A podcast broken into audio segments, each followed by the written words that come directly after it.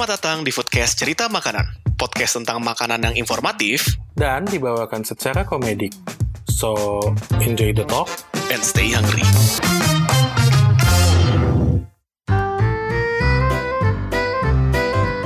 Kembali lagi di Foodcast Cerita Makanan bersama gue Brahma. dan Zaki. Zak, Oi. lu tahu lirik ini nggak? Eh, pulang ke kotamu.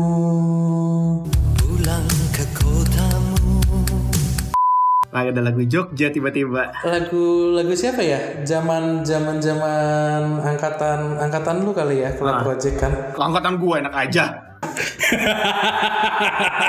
gue mendengarkan lagu itu nggak berarti gue angkatan itu dong. Tapi itu itu lagu yang menurut gue enak banget nih. Hmm. kangen sama apa Jogja gue gua lebaran ini udah dua tahun nggak bisa pulang ke Jogja nih ngunjungin keluarga gue yang udah eh, nyekar nyekar. Bahasanya nyekar.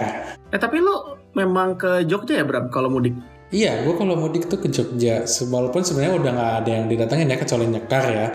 Cuman nggak cuman itu menurut gue yang bikin kangen sama Jogja tuh. Apa tuh? nggak tahu ya menurut gue kalau gue tinggal di Jogja tenang aja gitu bawaannya. Mungkin karena konsep kehidupannya yang space-nya lebih slow Oke. legowo nyantai eh, nggak ngebut ngebut nggak keburu-buru. Kan biasa orang Jogja tuh kalau ngomong kalau gue biasa dulu di eh, desanya nyokap gue eh, ojo ke susu mas pelan-pelan alon-alon air. Biasanya suka dikasih tahu kayak gitu. Gue sama nenek gue tuh sama almarhum nenek gue kayak gitu Tahu nggak dia ojo ke susu itu apa artinya? Nah, gue baru mau nanya. Ojo ke susu bukannya artinya jangan ke susu ya? Gue pikirnya itu. Susunya siapa nih? Makanya. Mau kita nyanyi lagi nih susu Darmi rasanya Ya nih, Strawberry. nih minoritas nih gue sekarang yang tapping ada Brahma, ada Anggara. Gue gak ngerti bahasa Jawa nih. Oh lu minoritas Oh Ojo ke susu tuh ojol yang susu Siska E nya tiga dong. Tapi kita nggak tahu kan ojol mana Ojol mana Tadi dulu ngomong-ngomong soal ojol gue ada yang mau gue bahas nih Gue baru inget nih kalau Gojek sama Grab punya ojek online nya pakai motor, kemarin gue lihat di Bandung katanya Shopee Food pakai kuda. Oh iya. Nah, kurang keren apa tuh Shopee tuh? Itu ek- lebih eco friendly loh. Eco friendly dan gue kalau mesen tuh Shopee Food di ngomong-ngomong di Bandung ada ada Shopee Food ya? Ada ada ada. Jadi kalau kalau itu gua sampai dapet dia nganterin pakai kuda, gua bangga banget gila. Kayak hidup di masa Majapahit gua. Tapi lu ngomong kan di Bandung ada Shopee Food atau enggak? Kenyataannya memang ada. Gue udah beberapa kali mesen pakai Shopee Food juga karena kebetulan promonya lagi kencang-kencang juga tuh Shopee Food tuh. Oh iya. Dan tapi ada hal yang lucu Bram kemarin-kemarin. Apa tuh? Karena gue pemburu promo sebelum Shopee Food kencang, gue itu termasuk pengguna GrabFood. Kenapa? Kenapa lu milih GrabFood dibanding Shopee Food?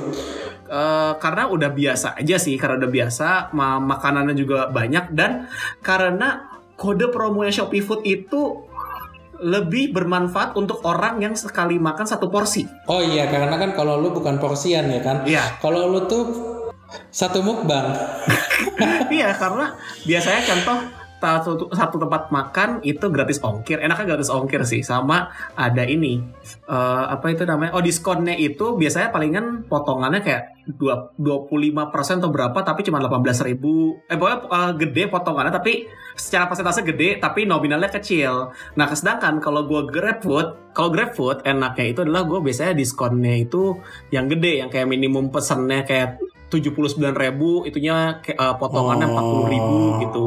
Bisa gede eh, lumayan gede persentasenya angka secara rupiah karena gue makan biasa sekali makan tuh banyak sekali mesen juga biar hemat delivery fee-nya juga Oh, jadi gue oke. biasanya sering GrabFood nah gue kemarin-kemarin ada mesen GrabFood dari mana ya? ayam-ayaman kalau nggak salah itu bagus Tapi pakai daging ayam kan itu? daging ayam daging ayam Oh, daging nah ayam. gue pesan dari sana pakai GrabFood terus pas udah nyam ah, ah, sudah nyampe di bawah. Oke saya ke ini kan ke nyamperin ambil ke GrabFoodnya saya mencari GrabFood pas saya turun ke bawah adanya mas-mas pakai jaket Shopee Food. Itu dia yang naik kuda tuh. nah gue ya udah pas bilang atas nama Zaki oh iya betul. Gue ambil makanannya. Terus pas gue lihat plastiknya itu ada selotip selotipnya selotip GoFood itu kolaborasi tiga tempat ojol Kolaborasi yang kuat antara Shopee Food dan GrabFood dan GoFood. Oper-operannya tuh udah udah matang banget tuh oper-operannya. Ya udah tapi itu kan terkait ini ya terkait Shopee Food gara-gara lu ngebahas terkait Shopee Food pakai kuda tapi mungkin kalau di Jogja bisa jadi loh berapa Bisa kalau di Jogja gue udah kebayang sih pakai Delman. oh iya Gue kalau mesen GrabCar gue mesennya Grab Delman kayaknya di Jogja. Delman. eh ada nggak sih Belum ada. Belum ada. Siapa tahu ada orang yang kerja di Gojek GoFood, eh di Gojek sama di Grab denger ini. Siapa tahu tadi Zaki udah ngebahas tuh panjang lebar tentang diskon kan? Udah kayak disponsorin Zak lu ngebahas panjang lebarnya. ya biar nanti bagian yang barusan gue jadiin ini uh, portofolio kalau Oh, gue mau ngirim ini ya? ini uh, ngirimin red card ke sana Oh iya. Tapi eh kayaknya kalau di Jogja tuh kalau nggak sama gudeg tuh kayaknya Waduh. kurang pas ya. sepakat sih Sepakat kan? Mm-mm. Tapi lu tahu nggak sih gudeg yang enak tuh apa? Nah, kalau gudeg mungkin yang bakal lebih ekspor ini yang ngebahas dari Brahma karena Brahma kan emang yang eh, orang bisa dibilang ada keturunan Jogja juga. Berarti keturunan Jogja ya lu Bram? Ada. Gue keturunan orang tua gue Zak. Iya orang tua lo orang ada yang orang Jogja. Keturunan dari orang tuanya lagi. Ya udah berarti secara garis keturunan lo ada dari darah Jogja ada lah ya. Gue baru tahu kalau Jogja bisa berdarah Zak. Wah. ya kalau Brahma kan lebih mungkin bisa tahu lah rekomendasi-rekomendasi gudeg di Jogja. Justru kan gue nanya Zak. Tadi kan gue udah kasih pertanyaan. Gudeg yang enak apa sih Zak? ya kali aja lu ada yang tahu karena kalau gua Jogja tuh ter- adalah kota yang termasuk paling sering gue kunjungin di Indonesia. Jadi gue tuh ke Jogja ada berapa kali? Empat atau lima kali gitu ke Jogja. Oke. Ada yang waktu dari zaman kecil pernah eh, buat liburan aja ke sana beberapa kali. Gue juga pernah waktu liburan ke Bali arah pulangnya gue kan pakai travel eh pakai shuttle gitu eh bukan shuttle apa ya mobil travel lah Oh iya. yang emang nyetir sendiri dari Bandung Mhm. itu pas arah baliknya mampir di Jogja dulu dan terakhir kali tuh gue ke Jogja itu tahun 2019 waktu nonton show stand up komedinya Panji Pragiwaksono di sana Oh lu nonton sampai ke sana. iya karena itu show-nya Panji yang cuman di cuman bakal dilaksanakan di Jogja. Karena itu show yang berhubungan sama bukunya dia yang publishernya itu adalah publisher di Jogja. Makanya itu sekaligus buat launching bukunya show-nya di Jogja. Makanya gue bela-belain waktu itu ke Jogja tuh. Nah di saat waktu mau ke sana gue nyari tahu nih selama ini gue kalau ke Jogja itu kayak ya ngikut aja lah rombongan keluarga mau ke mana. Nah mumpung gue ke sana meskipun bareng sama bokap nyokap juga waktu itu kan karena sekarang udah ada grab ada go apa sih ada grab car, grab bike, ada apa sih ada gojek juga. Itu jadi lebih gampang kan mobilisasi gue kalau gue mau ngider-ngider ke mana-mana.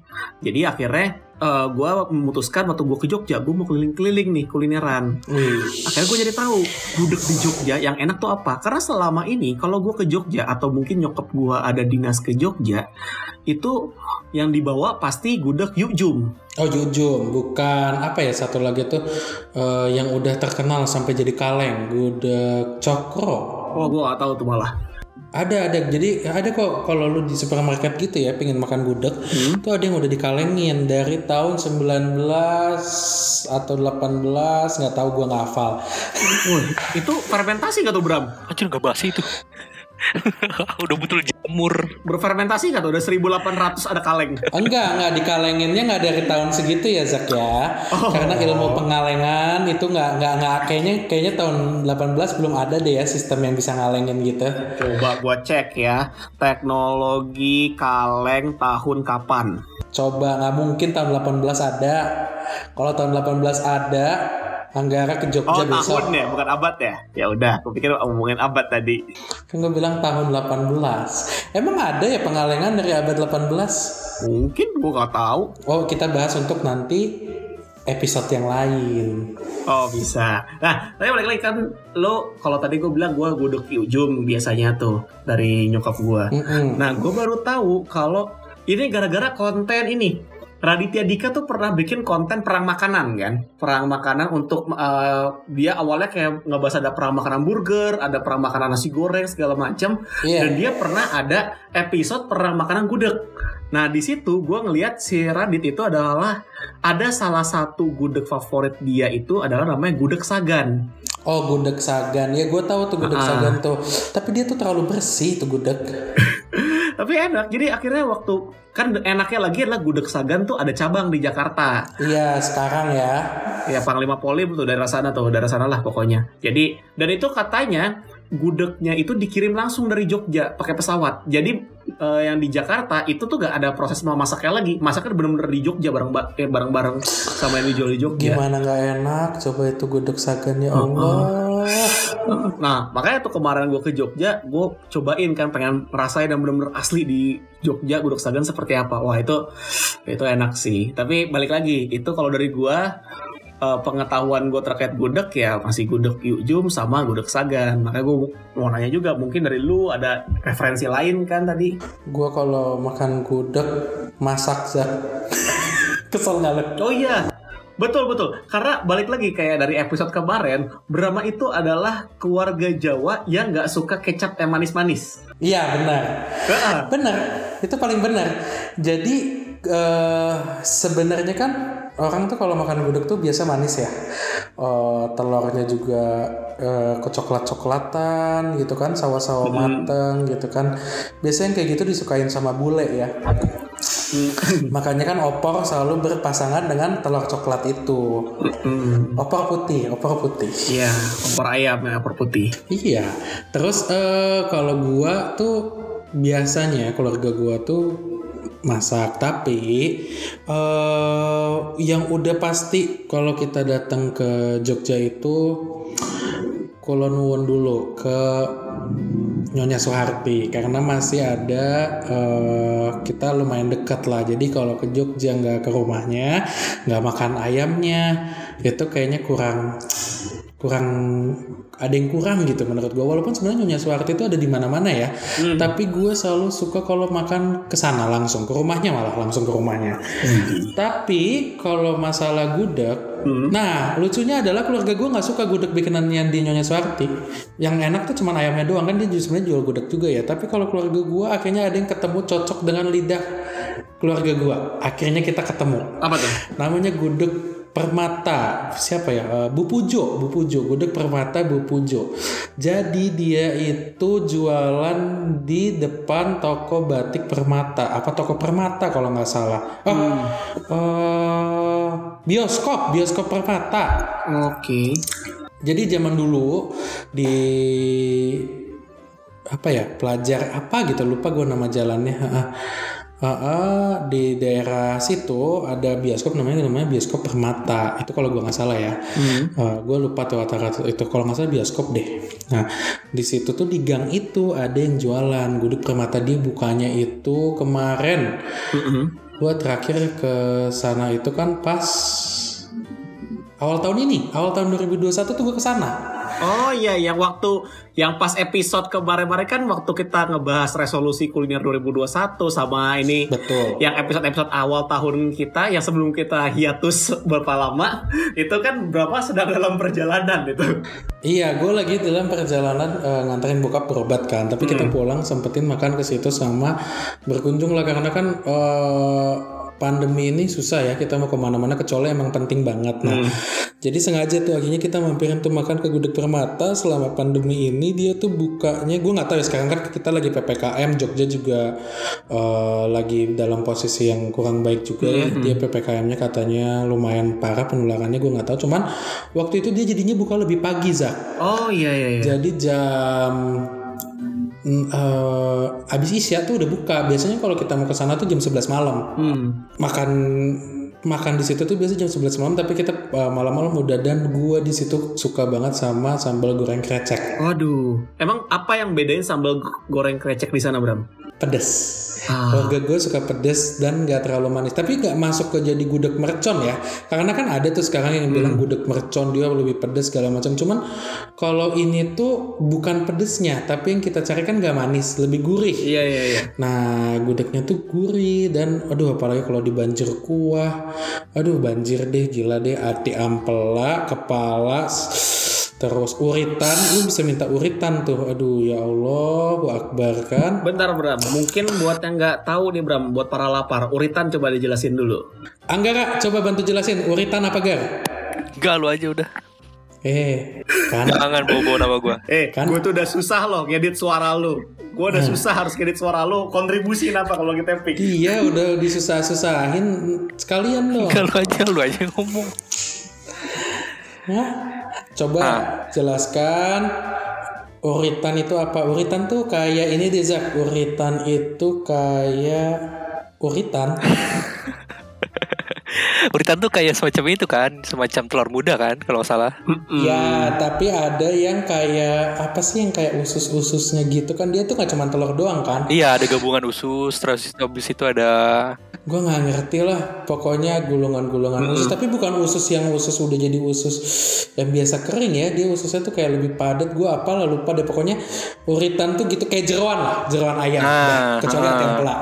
Kecuali hati ampela jantung tuh uritan jeroan ayam. Tapi yang eh, biasanya tuh kayak ma- masih muda. Jadi dia tuh ayam tuh katanya bisa bertelur kak. Oh, kayaknya tuh yang kayak usus-usus itu tuh kalau kita tuh kayak tali pusar kali ya. tali pusar ada gitu. kan bertelur. Ayam kan bertelur. ya kan gue kan gue berimajinasi sebaik mungkin biar biar bisa menjelaskan tapi tapi bentar dulu Se- se- selain itu sebenarnya keluarga gue tuh eh, udah langganannya gudeg Mbah Lindu. Hmm. Apa tuh yang bedain? dia gudeg agak manis. Sebenarnya dia gudeg agak, agak manis. Cuman yang kita suka itu karena apa ya? Yang selalu gua suka di Jogja itu resepnya kan turun menurun ya. Tapi Balindu itu udah udah lama banget ya. Gue juga nggak tahu apa yang bedain itu adalah gurihnya ayam ayamnya Balindu tuh sama gudegnya. Gue tuh orang yang nggak suka gudeg nggak nggak suka nangkanya tapi kalau di situ gue suka. Oke.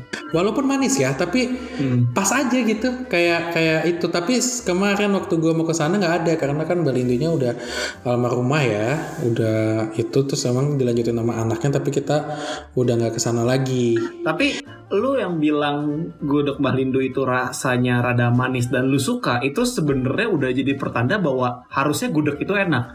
Karena lu kan dasarnya nggak suka yang gudeg yang makanan manis Betul. kan. Tapi lu bisa suka, berarti itu enak. betul Sampai lu mau rela keluar dari ini lu, uh, zona nyaman lu berarti. betul karena tuh gua kulineran sampai mati kayaknya Ya, eh tapi Bram kan memang kalau misalnya ngomongin ini ya makanan Jogja memang buat gua opini gua gudeg eh makanan makanan Jogja itu taste-nya memang relatif ke eh, rasa yang manis. Makanya salah satu yang ikonik dari Jogja itu kan sebenarnya angkringan ya. Angkringan sama ini Zak. Di Jogja tuh eh, sebenarnya jadi khas banget tuh murah ya. Murah banget loh sumpah.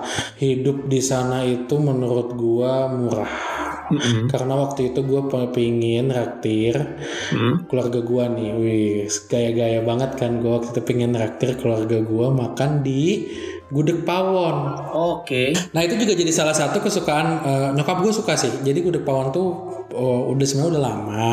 Dia sambal kreceknya pedas. Nah eh, tapi arti kata pawon itu sendiri kan dapur ya. Biar bapak tahu nih. Biar anda tahu pawon itu adalah dapur. Terima kasih saya nggak tahu loh itu Eh, kasian ya. ini konten biasa atau konten tahu nggak ya Eh, intro aja dikit. Kalau habis dari sini berarti harus dengerin konten tahu nggak? Kalau nggak tahu gue blok. Gudeg pawon itu lo bener-bener makan langsung dari dapurnya. Jadi kenapa nyokap gue suka? Bener-bener panas. Biasa kalau lo gudeg gudeg tempat lain kan dia gudeg tuh tipe-tipe kayak di warteg yang udah mateng banget dalam baskom gede tinggal ngambil ngambil ngambil gitu kan uh, nggak nggak panas nggak fresh gitu tapi kalau gudeg pawon tuh bener-bener fresh banget gitu enak deh Bram, Bram, kenapa kan lu bilang ini gudeg power tuh sampai experience-nya tuh sampai kayak makanan tuh sampai di dapurnya. Gue bayangin ya Bram, ini dapur nih, lagi rame nih, Ah. lagi sibuk nih orang-orang masak. Ada lu, keluarga lu lesehan di bawah lagi sama makan pakai piring. Terus kita sambil nanya, itu apa mas? Itu pakai apa? Gimana masaknya? Tapi kok kalau untung kan gue beli ya. Kalau gue chefnya, kalau gue yang masak sih nggak akan gue bolehin sih masuk ke dapur. Makanya kayak kayak kayak lu tuh kan kalau masuk ke dapur tuh lagi bersetubuh ya. intim banget loh. Di dapur tuh intim banget loh karena kalau buat gue, kalau gue masak, gue tuh kalau makan ayam dada tuh benar-benar kayak bersetubuh makan dada, makan dada gitu. Lembutnya gue pijet dulu gitu kan. Apalagi pas paham banget Bram. Oh, paham, karena kan gue harus bisa ngefile ayam ya. Ada ayam dada, pantat, ya kan sayap, biar nggak terbang tuh ayamnya. Kalau nggak intim tuh gitu, biasa kayak Anggara makan bubur udah tau dibikinnya pakai beras masih pakai nasi, nggak menghargai orang masak. Tapi Bram, lo tadi kan kita habis bahas gudeg ya, udah banyak tuh yang gudeg lo bahas tadi ada uh, tadi Balindu, ada Permata, ada Pawon. Nah itu, tapi tadi lo juga nyebutin ada gudeg mercon ya. Iya, Nah, itu tuh menurut gua rada unik loh karena waktu gua ke Jogja balik lagi dengan mindset gua kan Jogja itu makanan manis ya. Gua berpikiran ya udah makanannya manis-manis, tapi gua kaget ketika ada makanan namanya oseng mercon. oh. Oseng mercon, mercon tuh lu tau nggak bahasa Jawa tuh mercon tuh kembang api Zak. Jadi gimana caranya kembang api tuh dibikin oseng-oseng? iya, jadi gua uh, wak- waktu uh, kemarin ke Jogja 2019 kemarin itu, gue mikir kalau misalnya ini gue mau ke Jogja, gue harus nyari referensi dulu dong sebelum berangkat ke sana. Gue sampai bikin itinerary, gue mau makan di mana aja. Nah, salah satunya adalah gue ngecek di YouTube waktu itu adalah ada namanya Gu- uh, Oseng Mercon Bunarti dan yang review saat itu adalah youtuber Tan Boy Kun. Oh iya, lo lo mau jadi kayak Tan Boy Kun ya? Nah, bodohnya gue adalah gue harus ya menonton video itu sampai selesai. Kenapa? Jadi, gue berpikiran, oke ini youtuber gede nih. Gue cuma tahu Tan Boy Kun dari dulu gue udah tahu. Tapi gue pada saat itu nggak tahu kalau Tan Boy Kun adalah youtuber yang terkenalnya selain dari jumlah porsi makan yang banyak, kekuatan dia terhadap makanan pedas. Gue nggak tahu pada saat itu. Jadi gue pikir dia hanya mas-mas yang makan mukbang saja. Saya tidak tahu kalau dia ter- termasuk yang mukbang makan pedas dan dia itu kuat untuk makanan pedas. Gue nggak tahu pada saat itu. Dan di Mati lo tuh? dan di video itu dia sampai keringetan banget makan oh saya baca Bunarti. Gue pikir wah ya kalau mas-mas biasa makan sampai keringatan gitu ya kayak masih normal untuk saya makan. jadi jadilah gue ke sana sama bokap nyokap ke sana makan tuh malam-malam. Wah gila lo kasihan bokap nyokap lo gue sama bokap nyokap lo beneran kasihan gue. iya, gue makan, gue pas ngeliat eh, apa sih namanya orang-orang kok sampai kelihatan kayak kepedesan terus juga minuman tuh banyak banget ya orang tuh kan makannya kan pakai dulu pakai karpet eh, pada lesehan di pinggir trotoar kayak gitu Iya. gue kayak ngeliat nih kalau ada orang makan nih contoh makan bertiga nih piringnya tiga minumnya tuh bisa sampai enam Gila. Lu kan tapi kan itu pedesnya bisa lu minta Zak. iya ya makanya gue waktu itu eh, ditanyain pedes nggak pedes nggak mas saya kan balik lagi. Saya tidak tahu Tan Boy Kun. Itu youtuber yang kuat pedas. Di saat itu dia mesannya yang pedes banget waktu itu kalau nggak salah di kontennya. Jadi gue pikir ah ini makan malam. Kayaknya jangan terlalu pedas pedesnya biasa aja. Gue bilang pedes aja. Gue nggak bilang pedes yang kayak Tan Boy Kun. Tapi tetap aja. Harus ya gue bilang nggak usah pedes-pedes banget. Gue masih bilang pedes aja. Terus ditaruh lah tuh makanannya. Gue makan coy itu gue keringetan gak kayak apa tahu sumpah Udah kayak lari 10 kilo ya Zak ya. kacau itu sampai gue sama bokap gue yang bokap gue apalagi itu dia bokap tuh relatif yang kuat sama makan pedes itu cabenya nggak dimakanin Anjir, itu perjalanan perjalanan pulang itu perut udah agak enak. Naik naik beca tuh ya. Kan eh, apa ya yang kayak beca tapi pakai motor tuh namanya apa, Bram? Betor. Betor ya. Namanya Betor, iya. Nah, nah, jadi kan mau balik ke hotel tuh. Kan kalau uh, malam-malam ya naik beca kan anginnya sepoi-sepoi gitu kan. Kan gue bertiga Iya. nih, gue bokap nyokap. Badan gue kan Kok muat sih? Nah makanya pakai dua betor. Oh. Belum selesai. Belum selesai. Justru gue kebayang kalau lu paksain satu betor itu nggak akan kekuras apa itu perut tadi habis makan pedes. Nah, makanya kan angin kan ada angin tuh ya, angin sepoi-sepoi gitu pakai betor kan lebih Iya. kenceng ya dibandingkan sepeda kan. Dan gue juga gak tega gitu kalau bisa pakai becak biasa dorong gua kan berat gitu. Jadi akhirnya pas lagi perjalanan ke hotel angin sepoi-sepoi gue sampai mempertimbangkan buat balik badan pantat, biar pantat gue kena angin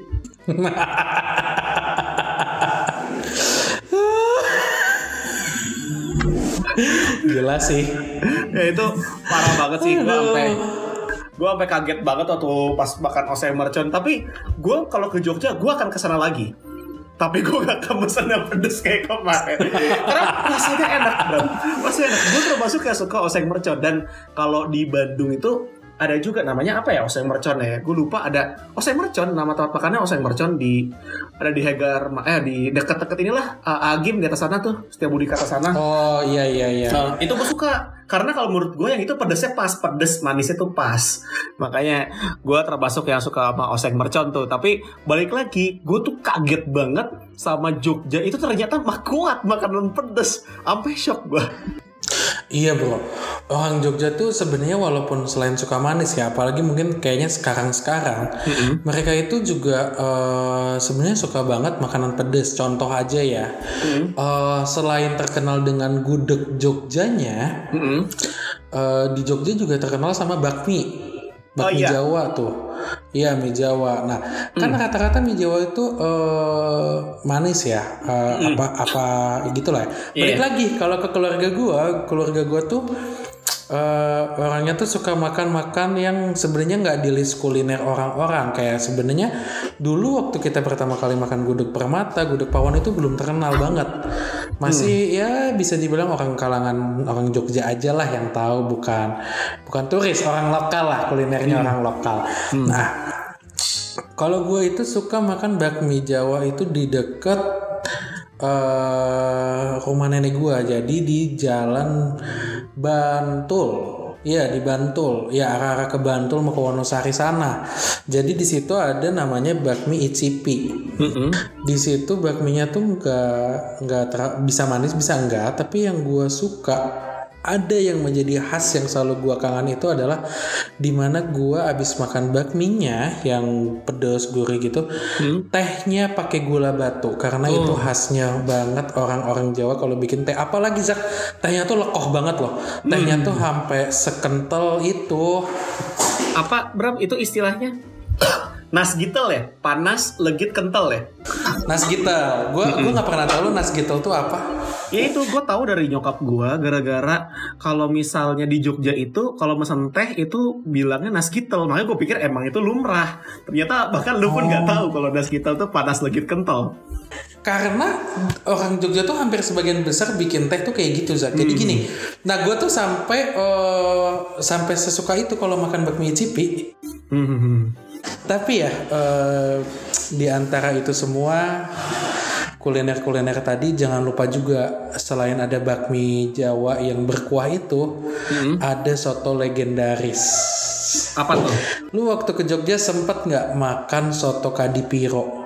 kemarin nggak kesampaian gue ke soto kadipiro Waduh, jadi ya itu satu ayam kampung menurut gua eh, mungkin buat sebagian orang bilang overrated ya. Karena eh, ada sih beberapa teman-teman gue bilang apa sih enaknya ini kayak gini gini. Tapi menurut gua lu tahu dong buku Chicken Soup for the Soul. Nah, soto kadipiro tuh kayak gitu. Jadi kalau gua makan soto kadipiro tuh kayak apalagi kalau sama perkedelnya ya pagi-pagi makan kuah sotonya tuh yang udah gurih fresh. Gua tuh pernah loh.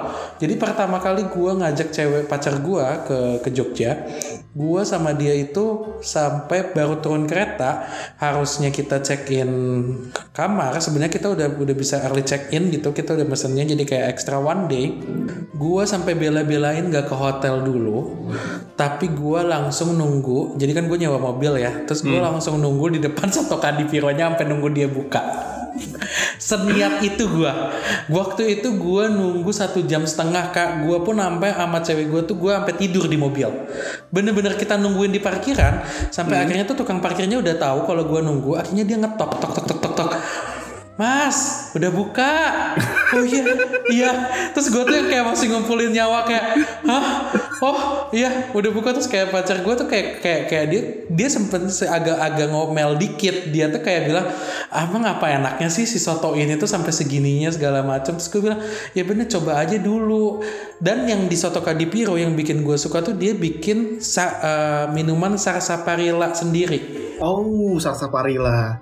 Iya, kan eh, minuman tradisional kita ya dibanding soda-soda eh, soft drink lain, sarsaparilla dia tuh enak banget. Aduh, apalagi kalau lu makan soto ayam. Jadi gini, di sana tuh soto ayamnya ayamnya eh, ada ayam potongan lagi. Jadi lu bisa ambil makan ada ada side dishnya banyak, ada ayam dan ada ati ampela digulung sama usus. Paket lengkap asam urat namanya. buat gua sih. Enggak tapi tapi serius deh gua kalau makan ke sana ya sebenarnya sotonya murah tapi entah kenapa kalau gua tiap makan ke sana selalu buat gue jadinya mahal. Karena tapi setiap masnya ngitung opo lagi mas? Ati ampelanya telu ayamnya telu sotonya loro. Loro tuh kan dua sama cewek gue ya dua. Ah, ayamnya tiga Terus gue bingung siapa yang makan ayam itu gitu kan. Sampai akhirnya pas bayar oh iya gue yang makan dan itu ayam tiga potong Ati ampela tiga sama usus. Dan sate telurnya enak banget sih Bener deh. Telur apa? Telur puyuh. Telur telur puyuh Telur puyuh. Enak beneran deh. Pokoknya udah top top top list gue ya. Kalau gue ke Jogja tuh pasti gue mau sarapan tuh makan lupis Mbak Satinem itu sarapan gua makan Oh, iya. siang oh enggak brunch brunch Brunch. brunchnya di Soto Kadipiro Hmm. eh makan siangnya em, makan siangnya gua makannya kayaknya bakal makan sate kelatak Hmm. Gua bahkan belum pernah makan sate kelatak sampai sekarang. Ini gue nggak tahu ya. Jadi gue tuh dulu tahu sate kelatak itu emang sebenarnya dia bukannya tiap malam. Tapi eh, sekarang udah besar. Salah satunya kalau nggak salah yang besar tuh sate kelatak Pabari ya. Iya iya itu Itu, terkenal tuh. jadi dia eh, eh, eh, eh, dia dia tuh jadi dulu tuh dia tuh di pasar gitu jadi kayak di pasar daging tiap malam Hmm. tuh tukang sate tuh sate kelatak banyak banget di daerah pasar Bantul Hmm. kalau gua nggak salah ya gue udah lama nggak ke sana cuman yang mungkin paling gampang untuk kita akses sekarang itu sate kelatak Pabari karena kalau kemalaman tuh gua tuh suka kayak bentrok sama agenda makan gua nih yang lain gitu Oh iya. karena abis makan siang di sate kelatak tuh biasa gue karena Jogja udah mulai kekinian tuh biasa beli gelato dulu karena Jogja tuh banyak loh ternyata penjual-penjual gelatonya. Abis itu makan malam, makan malam tuh sekitar jam 7 ya, jam 8. Itu gua makan ada Zak. Wah, ini burung dara menurut gua gue suka banget ke sana. Bahkan untuk harganya yang dibilang cukup mahal, gue aja rela untuk ke situ terus karena emang burung darahnya enak banget. Nah di Jalan Malioboro dia jualannya dulu Jalan Malioboro namanya eh, rum- warung makan terang bulan. Oke. Itu dia spesialisnya burung dara sama eh, bebek ya. Tapi kalau gue di situ pertama kali waktu gue nyoba burung dara aja di situ, jadi gue langsung jatuh cinta banget. Habis itu kenyang kan, kenyang nih habis itu menutupi malam itu dengan gudeg permata. Itu playlist iya. gue tuh kalau ke Jogja. Udah udah udah bener jam 11 malam makan lagi. Jadi sehari gue bisa makan enam kali. Makan sorenya biasa kalau kalau gua kalau gua sih itu nyemil mie ayam di mie ayam butuh mini. Hmm. Kemarin tuh ada teman gua sempat mau makan ke mie ayam butuh mini. Tiba-tiba gua dapat video Bram ini mie ayam atau pengajian karena ternyata pas jualan di situ tuh eh, ada yang baru meninggal. Jadi, Tapi mie ayam itu enak Zak. Lu bisa googling deh mie ayam itu porsinya segimana dan kenapa gue bisa bilang itu cemilan. Apa namanya? Mie ayam butuh mini. Jadi ayam sama mie-nya tuh semangkok semangkok. Oke, gua nggak usah googling lo. Dari deskripsinya ada cukup. Serius itu paket cemilan, sumpah. Tapi itu enak sih, enak sih menurut eh eh, mem- kalau gue pribadi salah bakso tuh nggak nggak jadi favorit gue ya kadang-kadang kurang kurang eh gitu kurang enak gitu tapi mie ayam butuh ini enak banget Eh, tapi eh, itu ya kalau lo kan ada cemilan tadi malah mie ayam ya. Kalau buat gua cemilan gua masih kayak masih lebih lumrah lah buat disebut cemilan. Gua tuh ada Apa satu tuh? makanan yang gue baru tahu kemarin dan gue suka banget namanya lumpia Samijaya di Malioboro. gue nggak pernah nyoba lo itu lumpia rebung bukan sih Ah iya, Brahma nggak suka rebung. Tapi gue lupa deh. iya Dia pakai rebung nggak ya? Tapi gue gue lupa detailnya seperti apa. Kalau nggak salah sih pakai lumpia Samijaya tuh. Cuman dalamnya tuh ada, ada yang pakai telur puyuhnya juga. Dan dia tuh kayak ada bumbunya itu gue suka kayak ada apa ya kayak parutan acar lobak gitu. Nah, jadi kan kalau misalnya lumpia Semarang kan kayak ada acar lobak yang diiris ya diiris kan. Kalau ini enggak, jadi kayak diparut, jadi eh, jadi kayak jadi kayak saus, jadi kayak saus gitu sih jatuhnya. Wah itu gue pertama kali makan gue nyoba, gue cuma beli kayak tiga biji lima, tiga atau lima lah. Gue pas gue makan, oke ini enak. Akhirnya pas mau balik ke Bandung, gue pesen kayak 30 gitu buat di perjalanan.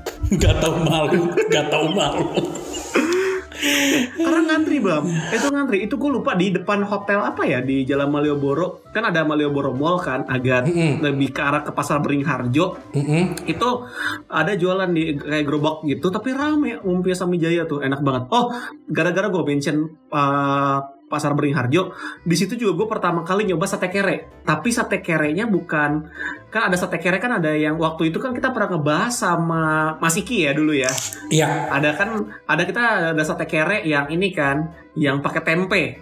Nah kalau gue tuh yang pakai sate kere pakai yang pakai jando. Waduh. Waduh itu. Uh, gila nggak sih? Aduh itu enak sih.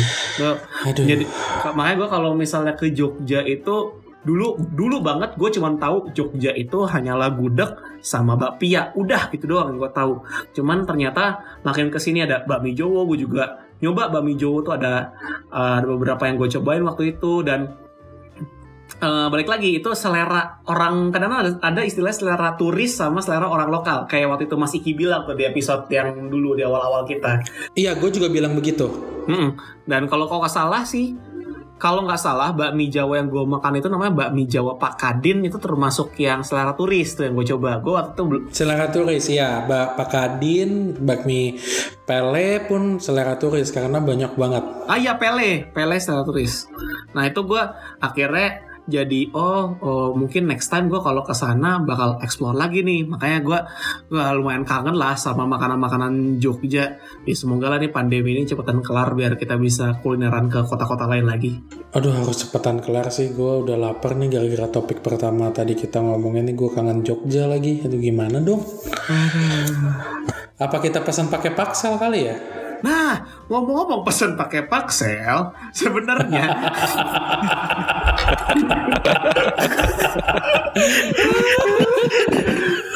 Jadi selama ini gua kan di episode kemarin juga lo ceritain kalau misalnya lo dikirimin makanan dari Bandung dari nyokap lo uh, di frozenin dulu dikirim pakai paksel kan ke Bandung Benar. eh ke Jakarta. Iya Nah, gue kemarin-kemarin kan eh, kalau misalnya lu nyadar, gue kemarin-kemarin tuh sempat ada impulsif beli Krispy Kreme dari Jakarta ke Bandung sama beli doner kebab. Jadi itu keluarga gue juga beli. Jadi pas gue lagi lihat story lu, gue tuh abis baru beres beli. Tapi kalau lu Hah? tuh kan pakai Detrans kan? Iya, Ah, ah, nah kalau gue versi lebih niat dibanding lu. pakai apa tuh? Gue kontak WhatsApp Krispy Kreme-nya, terus gue tanya bisa ngirim ke Bandung kan? Akhirnya ternyata mereka lagi ada promo pada waktu itu yang Ah. ulang tahun Krispy Kreme. Iya. Kalau nggak salah ulang tahun Krispy Kreme tuh yang lo beli satu dozen dapat satu dozen gratis kan? Betul. Nah akhirnya dia tuh ternyata habis itu ngirim form gua untuk isi formulir itu dan akhirnya Nah. gue belilah di situ. Da, udah pokoknya udah tahu beres deh pas gue bayar Ya. mereka bilang mereka akan ngirim pakai paksel udah beres aja kayak gitu. Emang ada, tapi setahu gua yang kayak gitu tuh kita nggak bisa milih eh, toppingnya. Jadi dia ada, udah ada paket-paketan. Iya karena nggak semua, karena nggak semua itu kuat Zak. Karena sebelumnya gue pernah juga ngirim eh, yang yang bukan glaze-nya ya. Ada Iya, iya. beberapa yang ada berasa tuh eh, avocado apa gitu. Nah pas nyampe di rumah gue di Bandung ke keluarga gue di asem. Hmm, Jadi gue gua nggak mau take the risk. Kayaknya gue biar kayak udah lu, lu aja ngurus deh orang Krispy Kreme deh gimana deh Nah. gitu kan. Heeh. kalau gua karena gua di Krispy Kreme gue tuh paling suka tuh yang glaze sama mint sprinkles. Itu gue paling gue suka. Mint sprinkle bukan Dunkin Donut nih. Enggak, enggak, bukan. Mint sprinkles eh, di ini, di Krispy Kreme ada. Yang warnanya hijaunya hijau Oke. muda, agak-agak biru gitu. Nah, itu itu favorit gue. Sedangkan di antara package yang disediakan sama Krispy Kreme, itu hanya ada satu yang ada kris ada donat mint sprinklesnya dan dari satu dozen dari 12 donat cuman satu mint sprinklesnya. Gue nggak rela. Oh rela. Dan pada saat itu di Jakarta itu pakai Shopee Food itu lagi ada promo yang berapa ya 90.000 ribu atau berapa tuh dapat dua dozen. Oke. Jadi akhirnya gue memutuskan buat pesan dari eh, pakai Shopee Food dari Senayan City dikirimin ke Daytrans yang di eh, ini yang di dekat Senayan City situ. Terus karena ternyata ongkos kirimnya itu bisa up to berapa 5 kilo kalau nggak salah akhirnya inisiatif buat beli donor kebab juga sekalian. Loh emang donor kebab udah gak ada di Bandung ya? Dulu kan ada di BIP, ada di Trans. Aduh kasihan banget. Gak ada, makanya gue kangen banget. Kalah sama Kabob sih ya. Tuh kumaha eta teh. Eh, terus, nah, tapi gara-gara itu ide masalah mesen pakai Daytrans, akhirnya gue nyari tahu ternyata Daytrans itu punya aplikasi namanya Daymall gitu atau apa eh, yang punya Daytrans itu dia bisa mesen dari berbagai kota. Salah satunya adalah dari Jogja dan gue lihat di Jogja Lumpia Samijaya termasuk ada di situ. Awas ya nggak ada gudeg masuk. Ih gila gua mah. Ada gudeg beberapa, tapi gue nggak tahu gudeg ada apa aja. Karena lumayan lumayan banyak tuh makanan-makanan yang di ada di listnya de- aplikasi Daymall punya Daytrans. Hmm. Jadi gue mempertimbangkan sampai ngeliat Semarang ada apa sih ada lumpia. Gue lupa lumpia di Semarang tuh yang terkenal namanya apa tuh? Duh, Nggak Gang tahu. Lombok, lumpia Gang Lombok tuh ada. Terus Karena gue nggak suka rebung, jadi gue nggak nggak mencari tahu. Iya, iya, iya. Ya tapi jadi ada banyak nih sebenarnya meskipun lagi kondisi pandemi ini ada banyak lah cara buat kalau kalian kangen makan pempek bisa tuh kayak pesan dari Tokopedia buat kirimin yang frozen digoreng Mm-mm. lagi atau yang misalnya mungkin makanan-makanan kayak tadi tuh dari gue kangen sama lumpia samijayanya Jogja itu mungkin bisa dikirimin ke Bandung jadi banyaklah cara-caranya untuk sementara mengisi rasa kangen karena kondisi pandemi kita ya nggak bisa keliling kulineran Benar. Mm-mm. Ya, semoga lah nih pandemi segera kel- uh, segera kelar. Jadi ya kita bisa kulineran lagi, nyobain makanan-makanan enak lagi. ya udah, sekian untuk episode Kangen Kuliner Jogja. Semoga kalian suka dengan episode kali ini. Jangan lupa untuk share dan mention kami di Twitter cerita underscore makanan. Dan Instagram kita Foodcast cerita makanan jangan pakai spasi pokoknya digaspol. Instagram gue zaki.muhammad. Dan Instagram gua udah lewat bulannya kemarin tambahin Brahma. Gar, mau Instagram lo masukin juga Gar? Gak usah, makasih. Jangan. Nanti lo dikirimin nasi tiap hari di DM lo. ya udah, thank you for listening to this episode. Until next time. Stay hungry.